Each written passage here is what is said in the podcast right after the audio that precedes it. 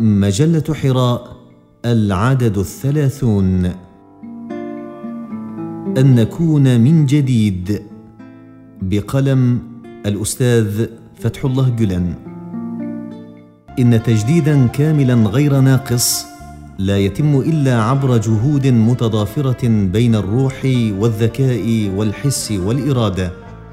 فتفعيل طاقة الروح وقدراتها إلى حدها الأقصى واستثمار المعارف المتراكمة عبر الماضي دون هدر لأصغر جزئية منها والانفتاح الدائم على نسمات الإلهام ونفحات المعنى والوجدان وعدم الانحباس في ممارسات التقليد الأعمى والالتزام بالرؤية المنهجية والسلوك المنظم باستمرار هي بعض المقومات الأساسية لأي تجديد منطقي معقول. فإذا كانت الروح قوية متحفزة والذكاء حادا متوقدا والحس يقظا مرهفا والإرادة مشحونة مشحوذه فلا خوف من أن نكون اليوم في الأعلى أو في الأسفل أو أن نكون متقدمين أو متخلفين. ذلك لأن الإنسان إذا تمكن من أن يحلق بروحه وإرادته وعقد العزم على مواصلة السير في طريقه فسوف يتربع على القمم غدا لا محالة. وإن بدا اليوم يلهث في آخر ركب المتخلفين. عندما شيدت الصين سورها العجيب وأبدعت في وضع مبادئ أخلاقية راقية ونظم اجتماعية مثلى كان الإنسان الغربي يعيش حياة الكهوف والمغارات وفي العهد الذي ازدهرت فيه أرجاء الشرق بعمران باهر يحاكي روعة الجنان بفضل الأنبياء كانت الأراضي التي أقيمت عليها مدينة لندن غابات تجول فيها الوحوش وتصول فيها الذئاب. وبينما كان سكان نينوى وبابل والكرنك يتفيؤون ظلال أروع الحضارات الإنسانية لم تكن الجامعات الكبرى أمثال السوربون واوكسفورد وكامبريدج قد دخلت عالم الرؤى والأحلام بعد. وفي الوقت الذي كان الغربي يتخبط في قبضة جهل حالك وهمجية متردية خلال القرون الوسطى التي أنكرها فيما بعد ووصفها بالمظلمة وفعلا كانت مظلمة بالنسبة له كان العالم الإسلامي يعيش عهد تنويره العظيم وانبعاثه الفريد عبر الأندلس وبغداد وبخارى وأمثالها من رموز حضارتنا الراقية. بل إن هذا العهد الزاهر قد شكل منبعا ثرا استلهم منه الأوروبيون صحوتهم التنويرية التي جاءت فيما بعد. منذ أن خلق الوجود لم يثبت شيء في موقعه قط ولم يكتب الخلود لكائن مهما كان فمن جاء رحل ومن رحل ناب عنه غيره ثم أعقب هؤلاء آخرون وآخرون وهكذا. فمن سعد في عهد وعز شقي في عهد آخر وذل ومن ذل في عهد وتدنى عز في عهد آخر وسما. فمن ذا يمكنه أن يقول إن من بدا اليوم عزيزا متبخترا لن ينقلب غدا ذليلا مهينا ومن حكم عليه بالذل والهوان اليوم لن يسعد بتاج العز مستقبلا. فها هي اليابان التي دمر بنيانها تدميرا ومسحت بها الأرض مسحا قد نهضت اليوم لتصفية حساباتها مع العالم أجمع. وتلك ألمانيا التي كسرت سواعدها وقصت أجنحتها ونبذت في العراء ذليلة مقهورة البارحة قد أصبحت اليوم كابوسا مروعا لمن أذاقها مرارة الذل والمهانة. اذا ما بال عالمنا؟ هل سيبقى يراوح مكانه؟ ابدا إنه قادر على أن يصحو من جديد فيجمع شتاته. وينطلق لكي يسوي حساباته مع عصره. وفي ضوء ما نرى ونلاحظ اليوم يمكننا القول إن عالمنا قد دخل وتيرة رأب الصدع وجمع الشمل فهو يقبل على مقوماته التاريخية التي يدين لها في صناعة ماضيه الأغر ويسعى سعيا حثيثا لبناء مجتمع يتألق بالقيم الروحية ويسمو بالمعاني الوجدانية. وإذا تصورنا تأثير الظلم الصارخ والاضطهاد المرير وسياسة القمع الماكرة المتواصلة التي مارستها أوروبا منذ عقود وعقود في رفع وتيرة شحنه الروحي فضلا عن الخبرة التي تراكمت لديه عبر قرن كامل من الزمان. فذلك يعني أن المناخ قد أصبح ملائما وأن الظرف قد صار مناسبا وأن الشروط قد اكتملت للانبعاث مرة أخرى والنهوض من جديد. لا سيما وأن العالم الآخر قد أشرف على الهلاك وبلغت الروح منه الحلقوم جراء إصابته بآفات التفكك وعلل الانهيار وبات يرزح تحت نير الإباحية العبثية وجرثومة اللا اخلاقيه الفوضوية ومصيبة الجفاف الروحي ومتاهة الحياة الجسمانية. وإن وضعا كهذا لا ينذر إلا بالسقوط الأكيد والدمار الحتمي إن لم يكن اليوم فغدا. إن سكره النصر ونشوة النجاح التي غمرت بعض أبناء أمتنا في بعض الفترات وما تلاها من آفات الاسترخاء وحب الراحة والدعة والتنقيب عن الحياة الناعمة والسعي لإشباع الرغبات والنزوات إن هذه الآفات قد أحكمت كماشتها اليوم على المجتمعات الغربية بالكامل وهي تسوقها إلى هاوية الموت خطوة خطوة.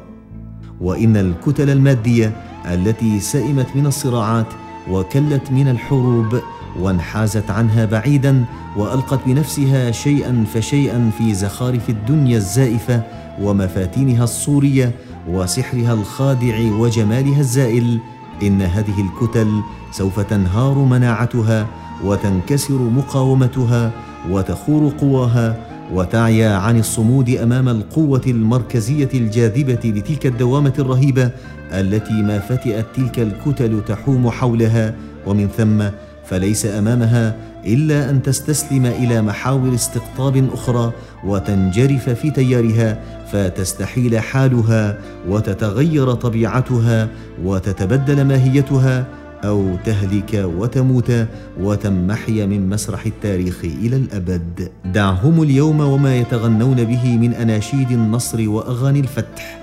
وما يدندنون به من أن الأرض قد دانت لهم وأنهم قد بسطوا هيمنتهم المطلقة على العالم كله وأحكموا زمامهم على كل مكان فإن وجه المستقبل لا يبدو باسما لهم أبدا.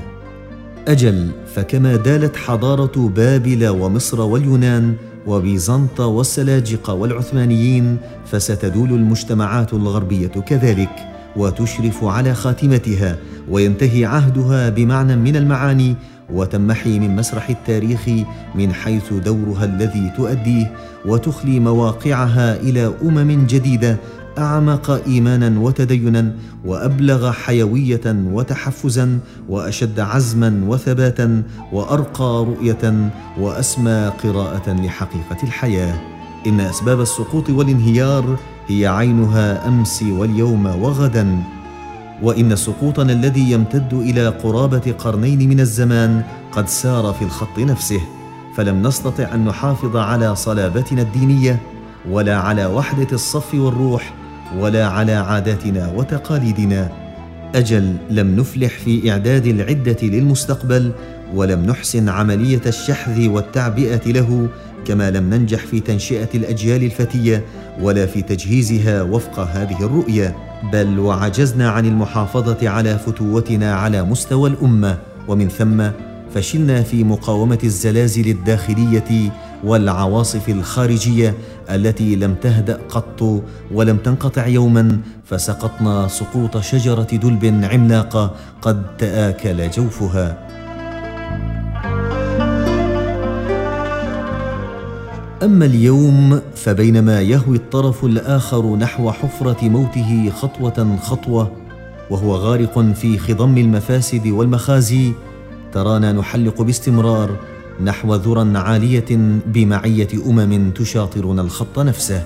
لقد وصفوا لنا حتى اليوم ذلك العالم الذي تأسس بنيانه على باطل بأوصاف مزخرفة لا أصل لها وصوروه لنا بغير صورته.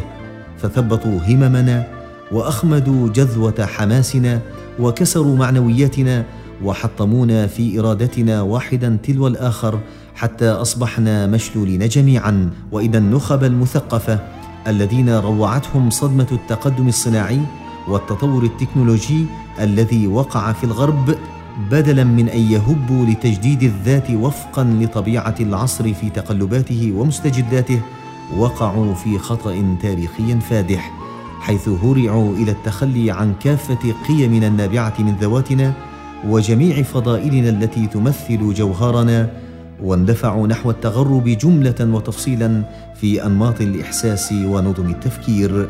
ولكن هيهات فلا هم صاروا غربيين بالمعنى الكامل ولا استطاعوا أن يعودوا إلى عالمهم الذاتي من جديد. ضاع الجوهر وانهارت القيم الروحية والمعاني الوجدانية وتزلزلت شجرة الأمة زلزالا رهيبا. والأدهى من كل ذلك أنه لم يتات لنا اللحاق بالغرب ولا محاذاته في قيمه الذاتية لقاء ذلك الثمن الباهظ الذي تكبدناه. ولم يكن ذلك ليقع أبدا إذ كيف لأمة تفاعلت مع الروح وتمازجت مع المعنى وتوحدت مع القيم الوجدانية عبر قرون وقرون أن تتقبل جملة وتفصيلا حضارة لم تقم في أساسها على السمو الروحي والمبادئ الإنسانية ولم يحصل التقبل فعلا بيد أن الأمة فقدت الكثير من روحها وذاتها وحقيقتها في هذا الإبان. أجل لقد تم الترويج للغرب بيننا على مر العقود السابقة على اعتباره منبعا للفضائل والمحاسن رغم ما يزخر به من مساوئ ورذائل. وتم الإغضاء كليا عن سلبياته الفتاكة في الوقت الذي نسجت حول ميزاته الضئيلة ملاحم وأساطير وأحيطت بها هالة من التضخيم والإعظام. فكان التهليل لأدنى المحاسن والتصفيق لأقل المزايا ودفع الناس إلى المكاء والتصدية دفعا. ضللت الجماهير أيما تضليل. وخدعت الجموع أيما خداع وكانت الأمة هي الضحية في هذه اللعبة وهي الدافعه للثمن أيضا كما هو الحال دائما. واليوم ها هو عهد جديد أطل علينا. عهد يدول فيه التفكك عليهم ويدور السقوط دورته فيهم. بينما تبزغ في أفق عالمنا شمس استيقاظنا من جديد واستعادة وعينا بذاتنا ونهضتنا مرة أخرى نحن ومن يرافقنا على الدرب من أمم أمثالنا. وإن الإسراع أو الإبطاء في درب هذا التكون الجديد مرتبط أشد الارتباط في إطار الأسباب الكونية بجهود أبطال يمثلون إرادة الله ويوقرونها في أعماقهم. وإذا كان كل جهد بشري دعاء بحد ذاته فإن كل خلق يصدر عن صاحب القدرة اللانهائية ما هو إلا إجابة لذلك الدعاء. ومن ثم ينبغي أن نعي جيدا ماذا نبتغي وماذا نريد. وينبغي كذلك أن نطلب مبتغانا في دائرة الأخذ بالأسباب والالتزام بها. للأسف منذ إعلان التنظيمات حتى اليوم لم نفلح في تحديد مبتغانا ولا في التعبير عن ذلك المبتغى بأسلوب مناسب. ولا في نقله إلى ساحة التفعيل. كذلك لم ننتبه ابدا إلى رعاية السنن الاجتماعية والاقتصادية الضرورية في تقدم الأمم وارتقائها. ولم نستطع أن نستثمر مواهب الأمة وقدراتها بل وتغافلنا عن بنائها الأخلاقي وبعدها الروحي دوما. واستهوانا النظر حصريا إلى المقومات التي كانت منطلقا لرقي الدول الغربية في يوم من الأيام. أجل استهوانا النظر إليها واعتبرناها ثوابت لا تتغير ومسلمات لا تضل ولا تزل فاندفعنا نستنسخها واحدة تلو الأخرى إلى أن كبدنا الأمة خسارة حتمية في سبيل ربح موهوم. بينما كان الواجب اولا وقبل كل شيء أن تبسط أجنحة الحفظ وألوية الحماية على قيمنا الدينية ومبادئنا الوطنية وفضائلنا الأخلاقية ومقوماتنا الثقافية التي توحدت مع كيان الأمة حتى صارت الروح السارية في جسدها والدم الجاري في عروقها ثم أن يؤخذ ما يتوجب أخذه من الآخرين وفقا لهذه القيم وتلك الرؤية. فلو تم الأمر على هذا النحو لكان أوفق بالسير الفطري وألصق بالتحرك السنني ولكان حظنا من قطف الثمار أوفر وأبقى. بيد أن المؤسف والمؤلم حقا هو أن هذا الأمر المهم جدا تعرض للإهمال على الدوام واستمر تجاهله عن عمد في جميع حركات الإصلاح المنبعثة في عالمنا منذ أمد بعيد. بالله عليكم أكان ارتقاء الدول التي تتربع فوق قمم الازدهار المادي اليوم لأنها استوردت نظما قانونية مثلى من وجهة نظرها ثم طبقتها في كافة مناحي حياتها إبان نشأتها أم لأنها بحثت عن أوجه حاجاتها ونقبت عن مواطن ثغراتها وهي تتدرج في مدارج الارتقاء والتقدم فوضعت قوانين تسد تلك الثغرات واجتهادات تناسب تلك الحاجات. الحقيقة أن النظر إلى تلك الدول باعتبارها تمثل عين الصواب في كل قضية إنما هو انحراف خطير إبان البحث عن الصواب. كما أن التعثر وعجز الإجادة في الاستنساخ أثناء عملية الاستنساخ ذاتها إنما هو ضرب من عمى البصيره ولون من العار المشين.